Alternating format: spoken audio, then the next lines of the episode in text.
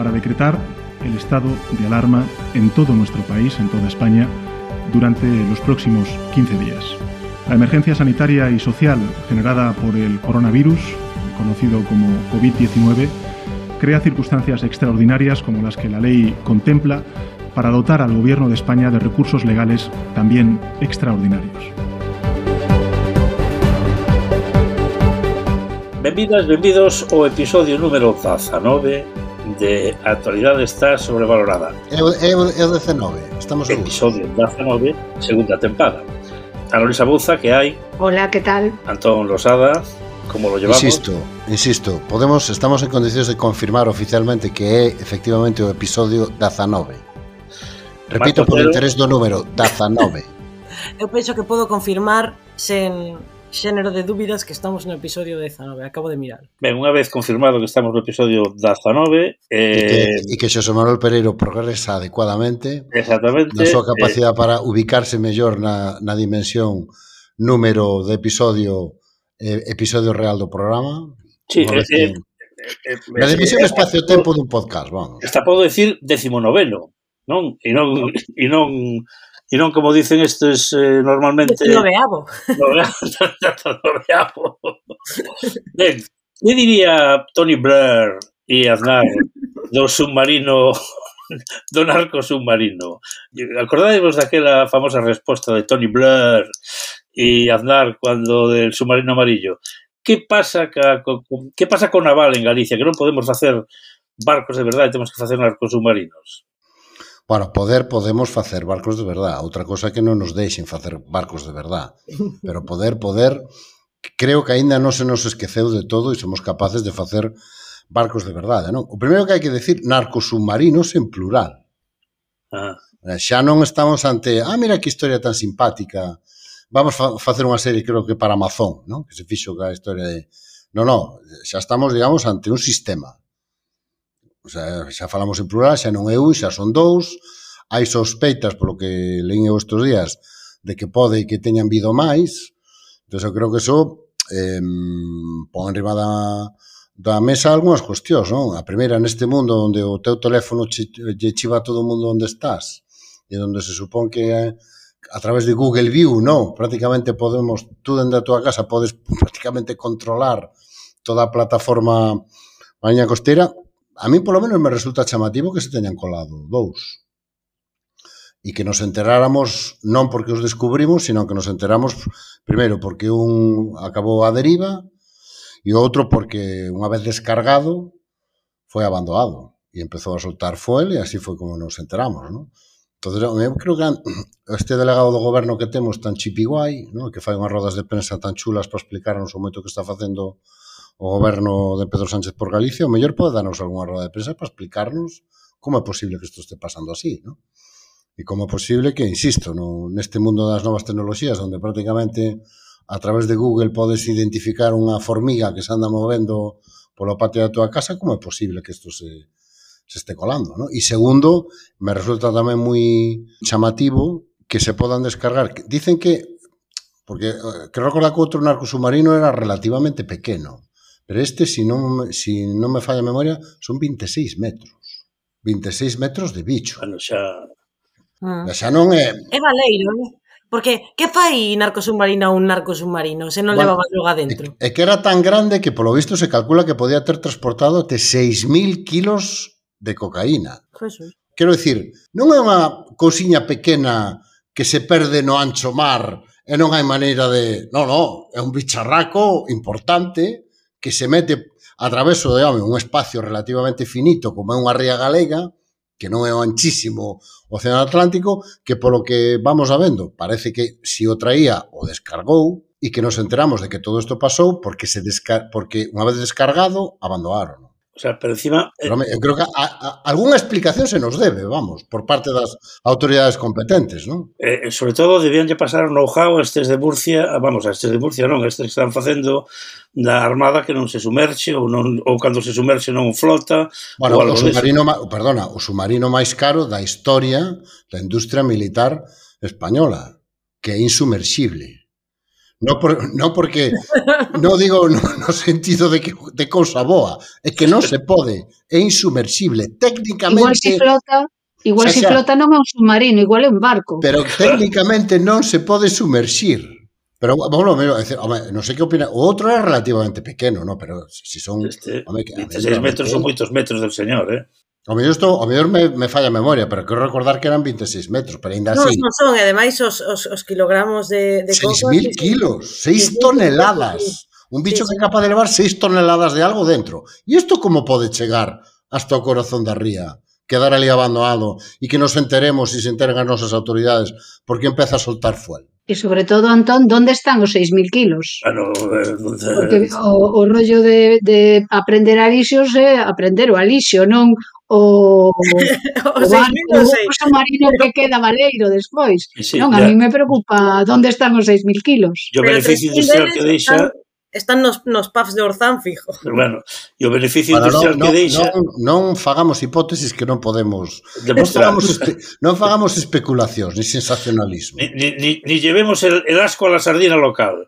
É eh, que tamén hai, hai pubs en moitos sitios. Eh, e droga no, tamén. Hai paz, e droga en moitos sitios. Hai pubs de Orzán, hai moito local, eh?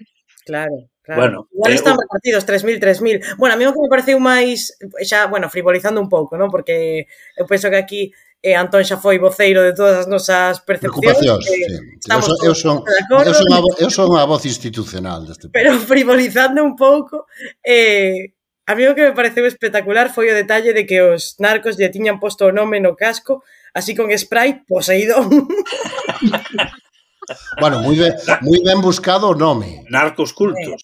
El Narcos cultos. Bueno, moi ben buscado o nome, si non biche aquel, aquela película de cine de catástrofes que chamaba La aventura del Poseidón, sí, sí, que non acababa especialmente ben para o barco. Bueno, bueno desta, desta volta tampouco, non? Bueno, Está eh, no, bueno, parece, que, bueno, a sensación que coa, coa, a sensación non hai a dúbida que... de A ver, que nos estamos aquí pisando malamente. Non, simplemente sí. quería decir que a sensación que eu quedo é que sí cumpleu a súa, o seu objetivo. Claro, claro, claro. Eso era o que eu intentaba decir eu. Que, a ver, non é que o pillaran, é que igual o desbotaron. Igual é tan rendible facer un submarino de usar e tirar que fan eso, un arco submarino de un, de un solo uso, ¿no? Claro, o que eh, pasa eh. que, bueno, ademais contamina. Bueno, pensado que agora, cando poñan os, as tarabelas asasinas nas nosas costas, iso xa vai estar moito máis controlado. É que non bueno, vedes a visión de que... Eu, eu sempre, con este sentido institucional que Deus me deu, quero ver tamén o lado positivo. Aquí hai unha, un nicho de negocio para o turismo que tanto interesa ao, ao presidente Rueda. Sí.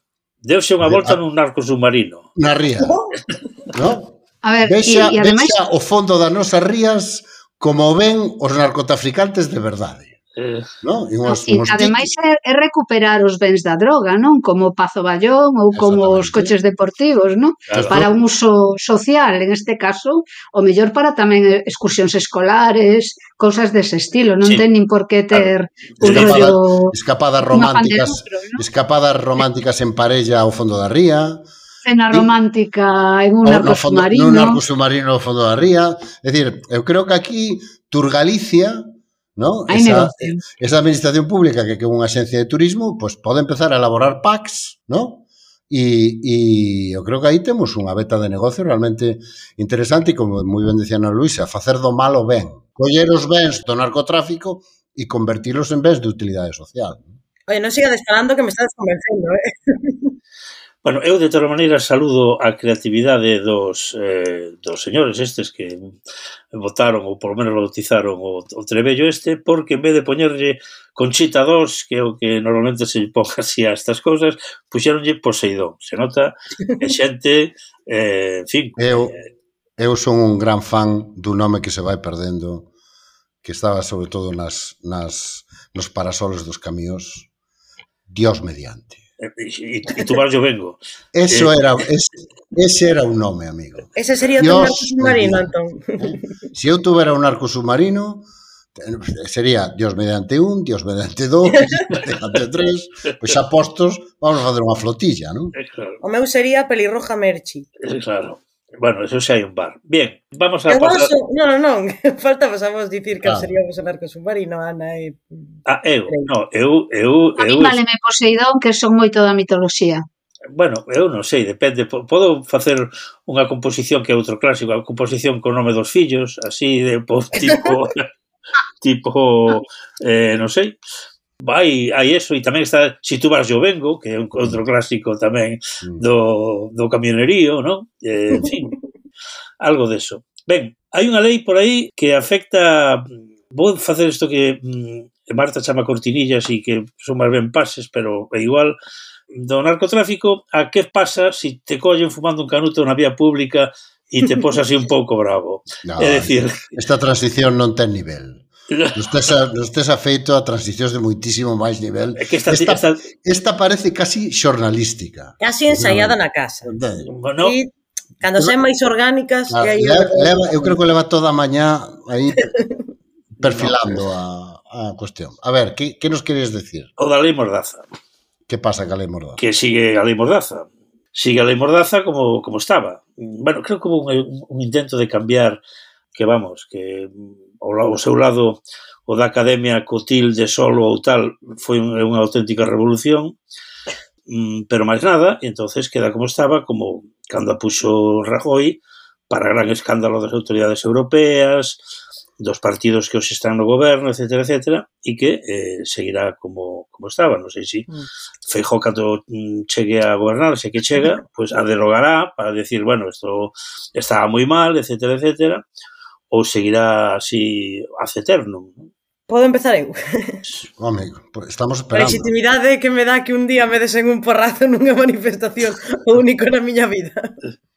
Adiante. Que eu aquí, pf, a ver se me axudades a decidirme, porque eu a verdad que teño opinións moi encontradas co, co que pasou esta semana coa lei Mordaza. Porque por unha banda, penso que hai eh, ese debate que hai sempre non na esquerda entre o ideal e o útil. E, e bueno, temos por unha banda Podemos e a PSOE que votaron sí a derogar esa lei de xeito parcial, pero bueno, mantendo, digamos, aspectos como as que son esos, esos aspectos tan criticados por Esquerra e Bildu, que son as pelotas de goma e as evolucións en quente, ¿no? Arbitrarias. E, por outra banda, temos a eh, Bildo e a Esquerra que din que mm, se mantén a columna vertebral da, da norma tal e como a aprobou o Executivo de Mariano Rajoy. Eu aquí pf, teño un debate interno, porque por unha banda penso que aquí se está dando a legislatura un pouco por esgotada, sen pensar que podemos ter un cambio de goberno en novembro e que esta lei non se vai tocar e que podemos ter esta lei executada en mans do ministro do Interior Ortega Smith, E, por outra banda, penso que se se chega a derogar eh, tal e como estaba plantexada esa reforma, ah, bueno, a reformar tal e como estaba plantexada a proposta que se levou ao Congreso dos Diputados que se votou ante, eh, íase dar por finiquitado ese asunto e xa non se ia tocar máis. Home, eu, eh, el profesor Rosada me, me corregirá, pero creo que das pelotas de goma non ten nada que ver ca, ca limordaza, creo. É dicir, sí, sí, ten que ver. Sí. Ten que ver, Bueno, é dicir, para min o, o, o máis lesivo da lei Mordaza, como xornalista e como tal, é o que se refire digamos, os delitos de os delitos de expresión, que mm, digamos a palabra dunha xente de autoridade eh, non necesite máis demostración que esa propia palabra eh, e incluído eh, aspectos como, digamos, eh, agresión a esa xente, etcétera, etcétera, a mí o que me parece, digamos, máis eh, grave, non? Que outras cousas que eu pensaba que das pelotas de goma non mm. estaba incluído, o sea, non veu por a lei da la lei Mordaza porque xa antes empregaban, non sei se si o que fixo a lei Mordaza foi sancionalas positivamente, non? E as devolucións en quente xa se producían antes da lei Mordaza tamén. E eu penso que mm, siguen estando, non sei se si prohibidas, pero desde logo non consentidas, vamos, non sei. Sí, eu creo que o, o das pelotas de goma, eu creo que o que é, é o requisito que poñen Esquerra e Bildu para, para sí. aprobar o cambio, non que se modifique eso. Eu tamén coincido con Marta en que eu creo que o PSOE en este momento non ten moito interese en, en menear máis temas conflitivos dos que sean absolutamente necesarios e dá nese sentido por rematada a legislatura.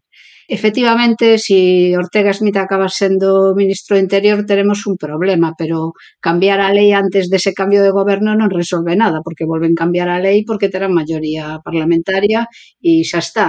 De feito, creo que a lei actual igual lles parece moi moderada e se hai un cambio de goberno cambiarán a lei tamén, así que ese risco corrémolo se cambie ou non se cambie. E eu creo que ten que ver un pouco con esta con non meter máis ruído neste tramo final, xusto antes das municipais e xa en poucos meses nas xerais. Non?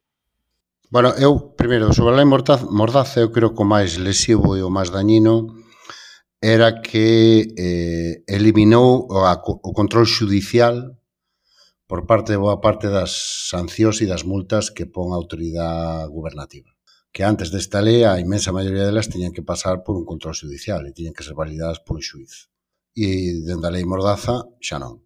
E eso aparellado a que as multas aumentaron significativamente a súa cuantía, pois fai que sea unha lei especialmente regresiva e antidemocrática, primeiro porque castiga de unha maneira completamente desproporcionada comportamentos que están directamente vinculados co exercicio de dereitos básicos nunha democracia, como é o dereito a protestar, o dereito a manifestarte, o dereito a expresar as túas opinións, e segundo, porque traslada a capacidade sancionadora a un monopolio e máis do poder gubernativo, sin que haya ningún tipo de control.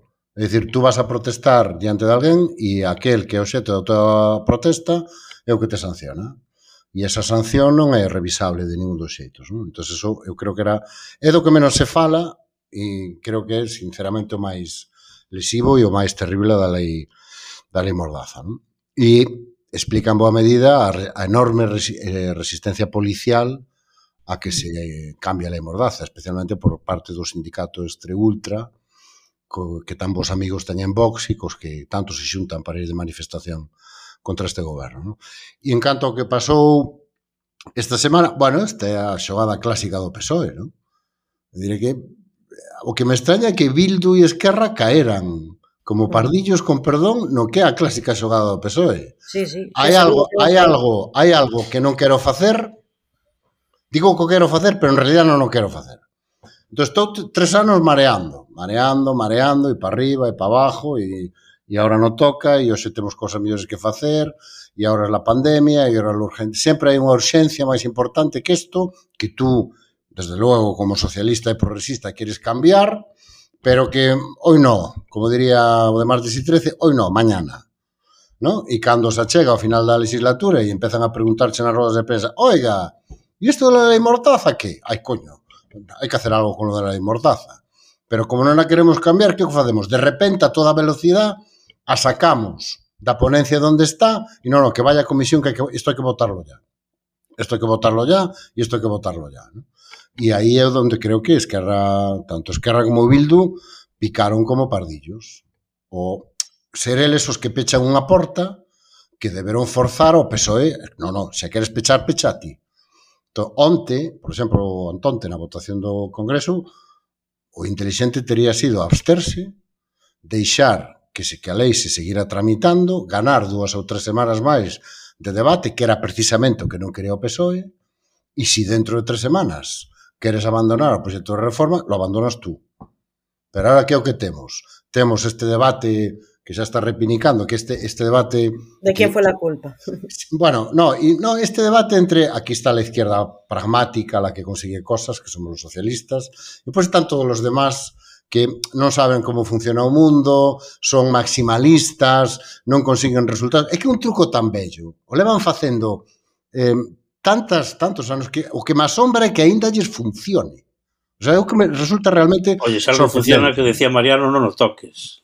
No, pero que, decir, o que me asombra é que aínda, o sea, cando o PSOE fa isto, é eh, basicamente para que tú cometas o horror de racharte a negociación e pois tirarse seis meses diciéndote si tenemos una ley del PP es por culpa tuya. Hmm. Si tenemos, o si tenemos, esto lleva a sonar a Ana Luisa, si tenemos un alcalde del PP es culpa tuya. O si tenemos, o si no tenemos un alcalde del PSOE, es culpa tuya, no nuestra. ¿no? É, que, é que tan clásico que, insisto, me asombra que o resto dos partidos da esquerda aínda sigan caendo. De todos os xeitos, inda que isto a min para min é unha maniobra electoral niquelada do PSOE, neste sentido que, que di Antón, agora o relato é nos somos a, a, a esquerda pragmática, os que facemos cousas, e eh, o, o relato, digamos, que está calando é non se derogaron eses 36 artículos da Lei Mordaza, foi polos votos en contra da Esquerra de Bildu, Eh, por outra banda, eu sí que penso que ás veces tes que pensar máis, quizáis, no, no, no interés social que ten levar adelante reformas que igual non son perfectas ou que igual non son o prometido tantas veces en campaña, porque pasou o mesmo coa reforma laboral, ao final eh, saiu adelante polo voto trabucado de, do diputado Alberto Casero do PP, e ao final, inda que non foi non, non derogaba todos os artigos da, ou reformaba todos os artigos da antiga reforma laboral de Mariano Rajoy, sí que, por exemplo, rematou en grande medida coa temporalidade eh, nos contratos e está que vos fala é indefinida agora no seu posto de traballo grazas a esa reforma. Eu, como a min, moitísima outra mm, xente nova que quizáis estaba ancorada a contratos temporais atos 30 e moitos. Entón, nese sentido, é un debate complicado. Sí. Pois que, se, sabendo, que se, se, se, se na vindeira legislatura se reedita quizá, eh, digamos, o equilibrio de forzas parlamentarias que temos agora, o PSOE se, mm, re, se, se reedita a coalición e volve a gobernar, vai precisar do, de apoio dos mesmos socios para, bueno, para garantizar esa gobernabilidade, seguramente poderíase tramitar unha reforma da reforma que incluís estas demandas. De todas formas, eh, hai unha diferencia ca reforma laboral eh, esto non costaría un can.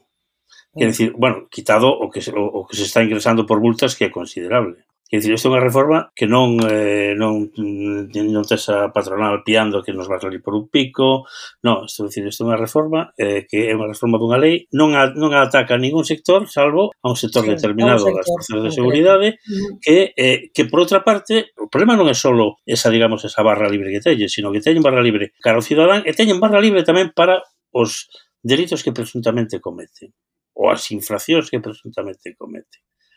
É outra mostra, de, digamos, de debilidade cara a esa cara a ese frente de rechazo, por así decirlo, de os mm, sindicatos de extrema dereita, etcétera, etcétera, non? Quero dicir, eh, eh, aquí non hai ningún non hai ningunha sanción por eh, maniobras de desprestixio de rivales políticos, de informes eh, falsos e falseados, etcétera, etcétera. Eu tamén complementando o que decía Antón de da, deste este rollo de, da negociación entre socio, o PSOE como socio mayoritario e os extremistas, entre comillas, como socios minoritarios, creo que tamén hai que se ampliamos un pouco a visión, no? non, non solo sobre o que se negocia, no? e que efectivamente está claro que mellor un pequeno avance que ningún, porque ese pequeno avance crea un marco novo sobre o que volver a empezar a negociar, eu amplío tamén un pouco a visión a que esas outras forzas teñen un público, no? e que tamén fan cálculos electorais, e, por exemplo, o das pelotas de goma, que efectivamente non é algo que este na lei Mordaza, pero que é un tema moi controvertido tanto en Cataluña como en Euskadi e que Esquerra e Bildu eh, fixeron deso eh, moita campaña, eh, eles fan un cálculo tamén, non? Eh, prefiro eh, manter este marco e ter que volver a negociar de cero e non aparecer ante os meu, o meu público eh, que ademais, eh, claro, aí ten un problema no debate catalán entre os nacionalistas cataláns, no? eh, de, de, de que o antigo CIU e Junts está continuamente, eh, eh, digamos, eh, acusando a Esquerra de eh, ceder demasiado ante o PSOE. Bueno, en fin, que o tema é bastante... Eu, estando de acordo coa tese de Antón, creo que, que non é tan, o sea, que é moi complicado. Neste caso, creo que se equivocaron e que era mellor avanzar e eh, propoñer unha negociación a futuro para mellorar o que non se pudera mellorar agora. Pero eh, cales eran as melloras? Cales eran as melloras que eu me entere? Porque, esas decir, no, no, caso, no caso... controversia eran esas, esas dous. Que das sí, as mellores eran que se reducían as multas, no. bueno, que digamos, o que era a propia lei Mordaza non volvía atrás completamente, pero sí que se rebaixaban os temas controvertidos. O que pasa que, claro, eh, non son os temas que, que tiñan como máis importantes es que rebildu cando na, na, no seu programa electoral, digamos. Entón, eu o, o razonamento este de é mellor un avance pequeno que un avance que un non avance, non? Tamén se pode dar a volta, non? Que, que eh, non se pode estar cedendo permanentemente ante un socio claro. que che plantexa sí. todo no último minuto e lentejas, ou las tomas ou las dejas. Xa.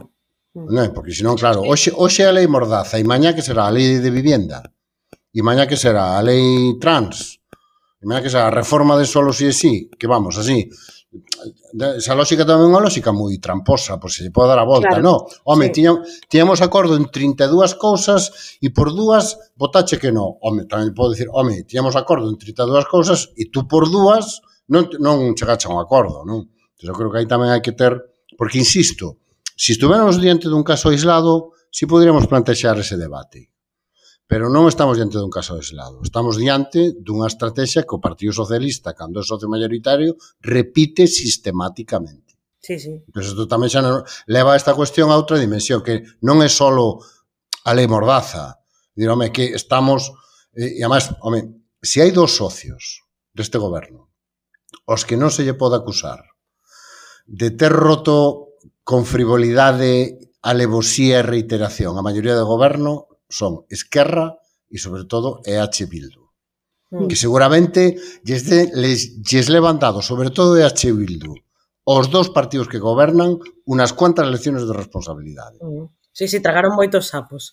Iso non se pode negar. Claro, chega, chega un momento que dices, hombre, tamén isto, tamén teño que tragar isto, tamén. Despoliticemos un, un pouco o tema. O sea, eh, que, mm, o sea, algo co que están, que, re, que rexeitan eh, eh, Amnistía Internacional, Reporteros sin Fronteiras, eh, os colexios de periodistas, etcétera, etcétera, eso mm, como se entende que se pode manter?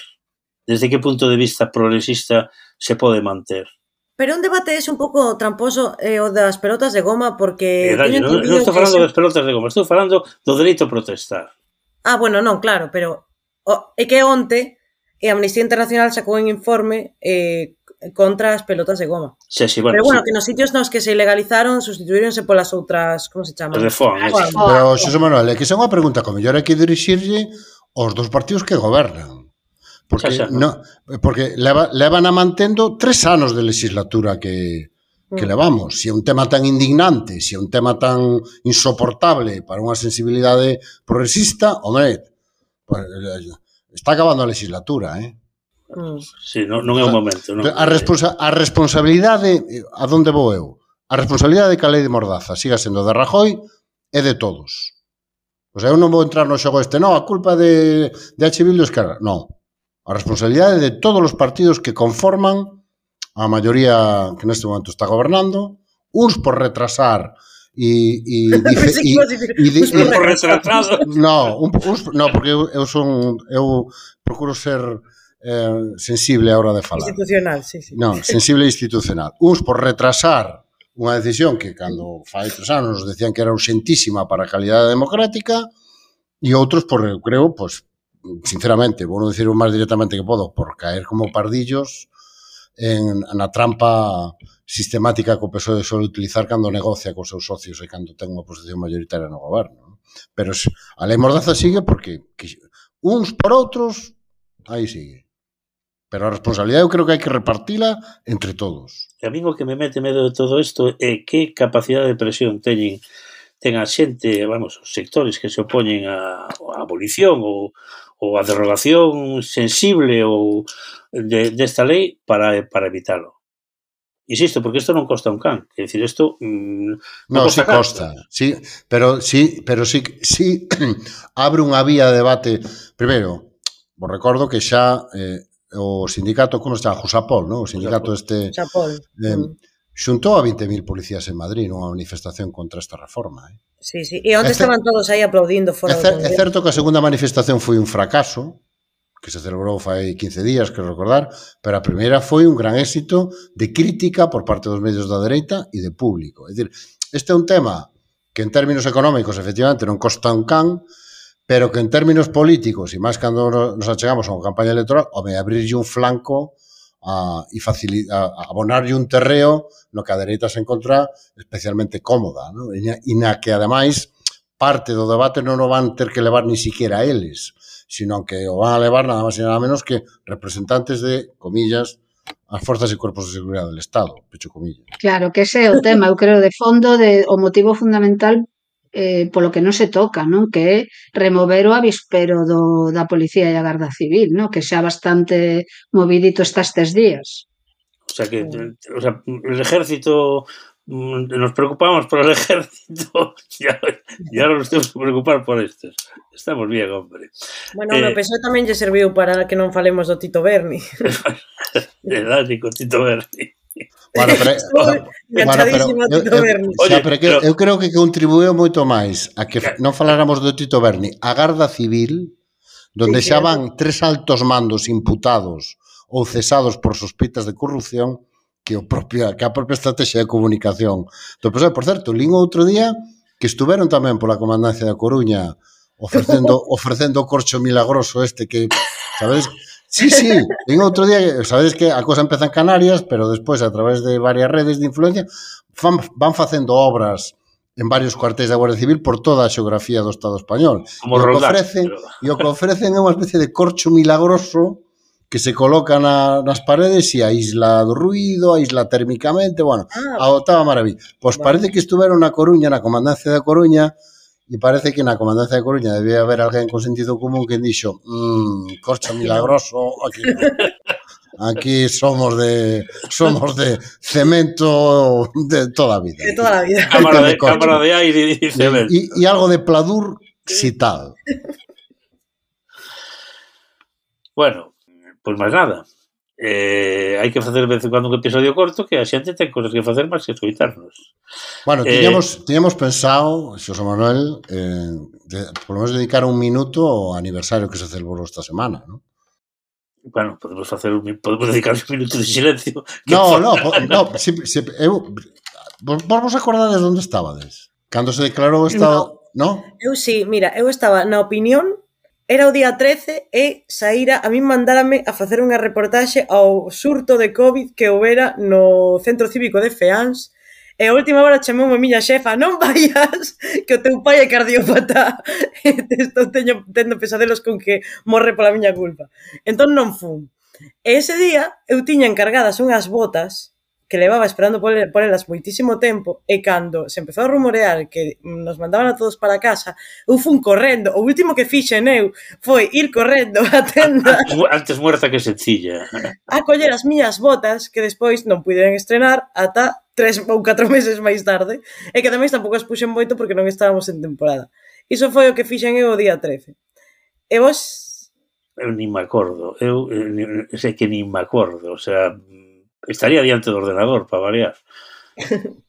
eu, eu recordo que acaban de suspenderse xa porque o confinamento, non tanto o confinamento, pero si a suspensión da actividade académica en Galicia se adiantara unhas horas, casi un día, día pico, e eu recordo que estábamos, acabamos de suspender o día anterior a actividade académica e recordo que estaba empezando a, a, a ver como iba a organizar o que quedaba de curso impartindo unha docencia, por así dicirlo, virtual, algo que non estábamos afeitos, non? Porque, por exemplo, na universidade temos unha aula virtual, pero que que utilizas pois para colgar materiais, para colgar lecturas, non? Para eh, que, os, que os chavales presenten os exercicios, en fin, para poder manter unha, unha actividade digital con eles, non? Pero nunca se nos ocurrirá pensar que tiñamos que, que íbamos a acabar pois, acabando colgando vídeos cas clases e fa, facendo ese tipo. Entón, estaba, estaba, sinceramente, recordo que estaba eh, desarrollando as miñas habilidades na aula virtual, mirando a ver como se grababa un vídeo e tal, e foi cando escutei na radio que se convocaba a roda de prensa, ¿no? xa para anunciar oficialmente, porque, por exemplo, aquí na Universidade de Santiago, eh, as autoridades académicas xa daban por feita o día anterior, non? que o confinamento era completamente ine inevitable. Non? Hmm. Ana? Se si lanzamos coa lei Mordaza, eh, lembrade que... Ela estaba, ela estaba protest, protestando e esquivando pelotas de goma. Naquela época, non, non, non. Naquela época, a dereita quiso culpar o 8M da extensión sí, masiva do, sí, sí Con informe da Guardia Civil por medio. Con, con informe da Guardia Civil. E acabamos de saber que ese informe, ese atestado, era falso, estaba cheo de mentiras, estaba manipulado e a persona encargada da Garda Civil que fixo esas falsidades acaba de quedar libre de toda de toda culpa porque o fixo non por maldad nin por dolo, por sino porque o pobre non sabía máis. No, por, por amor a España. Xo digo todo por la patria. Hai que lembrar, estaba lembrando eu o tuit que puso en aquel momento Pablo Casado culpando o movimento eh, Pablo feminista. Pablo, e Pablo, ela, Pablo que? Pablo que, aquel Pablo, aquel ah, Pablo, aquel Pablo, eh, aquel Pablo culpando ao movimento feminista e a la, a la izquierda sediciosa Ay. de la extensión del coronavirus. Hombre, Eso se, a, ah, si se poñen as feministas e, e os izquierdistas sediciosos a difundir, como non se vai difundir? A tusir, a tusir pola rúa, e que ademais que, de que xeito de difusión tan perverso se quixo fixar ese relato sí. da manifestación do 8M como foco cando eses días Esta, es que a, a, todo mundo facía vida, vida normal. E que se estaban xogando partidos de Champions de UEFA, Europa League, penso que era. Que eu saín de festa o día anterior de Champions, partidos de, de Champions. Champions. Foron hinchadas no, pero... foron hinchadas completas para lá e viñeron hinchadas completas sí, para pa, pa, pa, Italia, a Italia ademais que e o, e o Reino e o Reino Unido que vos recordo que o Reino Unido aquela, eh, a estrategia en aquel momento do goberno de Boris ah, Johnson ah, sí, era vamos, propagar. vamos, a, vamos a infectarnos todos comunidade de rebaño exactamente sí. así pasámoslo antes no, que aquí hai xente que o conta como se eses días estivésemos todos pechados a cale canto na casa e estivesen eh, 800.000 persoas manifestándose eh, na, no 8M que hai, hai xente que realmente difunde ese relato, bueno, que é moi forte. Pero mira, eh, eh foi unha, uns, foron unhas meses, ou que dice, unha etapa moi curiosa para, bueno, todos nos fixemos expertos en Zoom, en, en Gypsy, en todas estas ferramentas de falar sin que non estes xunto, e tamén todo tipo de conspiranoias. Acordadevos daqueles pavos que, que cando caeron a nevada en Madrid dicen que aquilo non era neve. Bueno, perdón, neve cun mechero. E salió perdón. tipo cun chisqueiro. Discúlpame. E que o COVID se expandía a través do 5G? Oxa bueno, non, oxa non vos acordades. Sí, hombre, con, sí. con, con, con, con, mapa, con mapas onde se, super, se superpoñían as zonas con 5G e as zonas de infección de COVID E como dicía, vedes a relación? Home, claro, son, son as cidades, son as zonas máis poboadas e onde hai máis enfermos. Pero había mapas super, además, moi ben feitos, eh, que veías o mapa e dicías, coño, pois... Home, algo de, ver, algo de mover. O, o, o, o do COVID que é unha cosa que non a ves e tal, pero a neve era diante dos fucillos. Negacionistas da neve. Neve de plástico, non? Mm. Era de plástico, sí, sí. Había salió un tipo. Bueno, a aquí un, un tipo. Caso, claro. Había decenas de tipos bueno, ya, facendo vídeos en YouTube demostrándonos científicos. Non vos acordades? Sí, sí, que aquí sí. non era neve. e lle botían un soplete e estoupado. Non vos acordades? Que era... bueno, bueno, e cando empezaron as vacinas e a xente eh, dicía que se oh. pegaban as culleres as mans. Joder, é que non é por frivolizar, que, pero a ver, foi unha época que, moi que bonita foi a Edad Media, que bonita foi a Edad Media, sí, verdad? É que, é que foi unha época surrealista, bueno, Antón, ti que tiñas que estar un pouco presentable para dar as clases, non sei se quitaches moito pixama, pero eu fixen entrevistas dende a bañeira. No, no, eu me afeitaba todos os días para dar as clases. Sí, sí, sí. Eh, eh. Bueno, pois pues eu non. Tú, tú non te afeitabas todos os días. No, no. Eu non quitei o pixama. Era, non, non, daba, non daba clases, era o que quería decir, que non daba clases. Non, eu a verdade non estive nada presentable. Bueno, eu, eu recordo que non tiña máis que demandas de certificados de, de, de xente que necesitaba facer labores periodísticas por todas partes. O sea, desde un, ah, bueno, claro. desde un fotógrafo de Monforte, que Monforte quedou varado un, un, un circo. Bueno, Monforte é que pasaron cosas... Monforte desplegara o seu exército, en Monforte. É dicir, Eu teño das fotos, o exército desplegado por Monforte, non sei se para meter... Para, para, conter, para conter o circo. No, non sei se o circo ou, ou que? Porque vamos, o sea... Porque houve unha época, o exército creo que iba polas cunetas, non, a, non había que desinfectar as rúas. A sulfatar. Non, non, este non desinfectaba sí, nada. Ou, houve aquela época de asulfatar as rúas. Sí, canta auga, canta auga tirada na, nas, nas escaleiras da, eh, sí, do, ou, do auditorio de Santa Margarita. Non agora, e bueno, perdona, e as horas que dedicamos a nosa vida a limpiar os produtos da compra recién recién chegados, sacar a bolsa con guantes. No, Pero no, somos, somos, fixemos todos. Oye, e, e, yo no. E, eu, e, eu, e o extraperlo do, do, do alcohol aquel famoso, o extraperlo que eu, eu paguei 18 euros por unha, por unha botella de medio, de medio litro en Amazon. Pero, pero, Aquilo e, e... Ou antes de que houbera máscaras, as máscaras caseras, eu iba a compra cunha máscara de, de, de feita dunha camiseta e, e os guantes de, de fregar. A compra. Bueno. É que eu sempre unha máscara por 10 pavos. E o gran...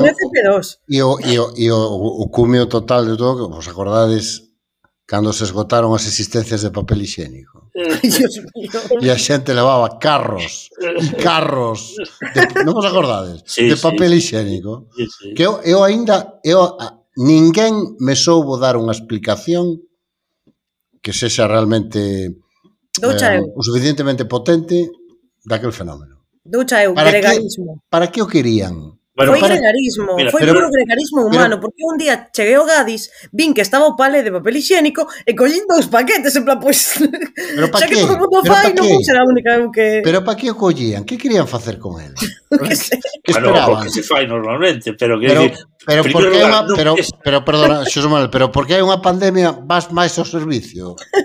vai estar máis tempo na casa. Entonces todo todo o que faz, falo co teu papel higiénico, non vas aos bares, non vas á casa da xente. Pero é, necesa é necesario levar un carro inteiro de Eu papel creo que higiénico. non, pero o papel higiénico ten dúas ventaxas. Pesa pouco, que dicir, non pasa nada porque leves tal, e despois, eh, bueno, o, o que tes é que eh, non, non se estropea, salvo que chova por el. Bueno, con estes sabios consellos por se hai outra pandemia, eh, deixámoslo porque isto decae ata, ata a próxima semana. Este foi o episodio número 19 e o próxima semana será o episodio número 20. Ata logo, Ana Luisa.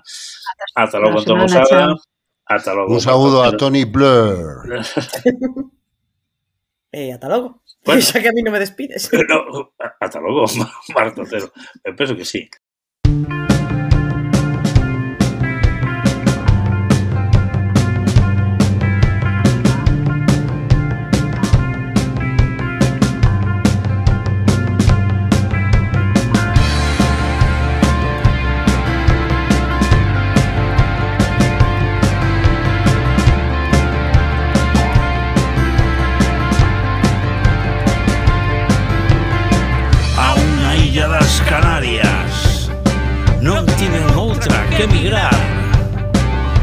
chollar do que fose Lonxe, lonxe do fogar É que me invade a morriña Da patria de Breogán Cando escoito resentidos. É que me boto a chorar A chorar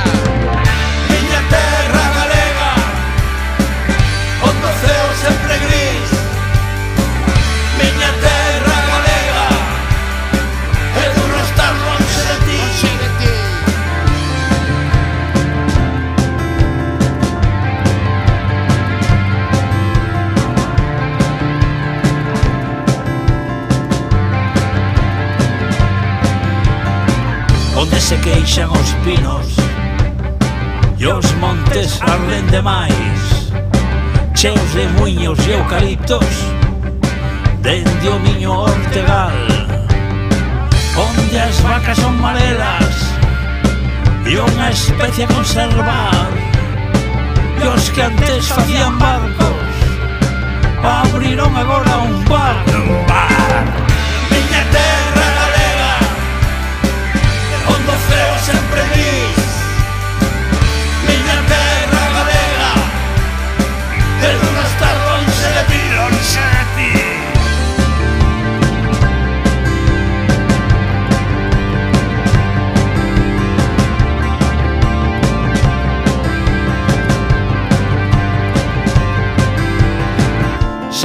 joller o jacobeo. Empanada e pulpo a feira. Queima dalle el vino turbio.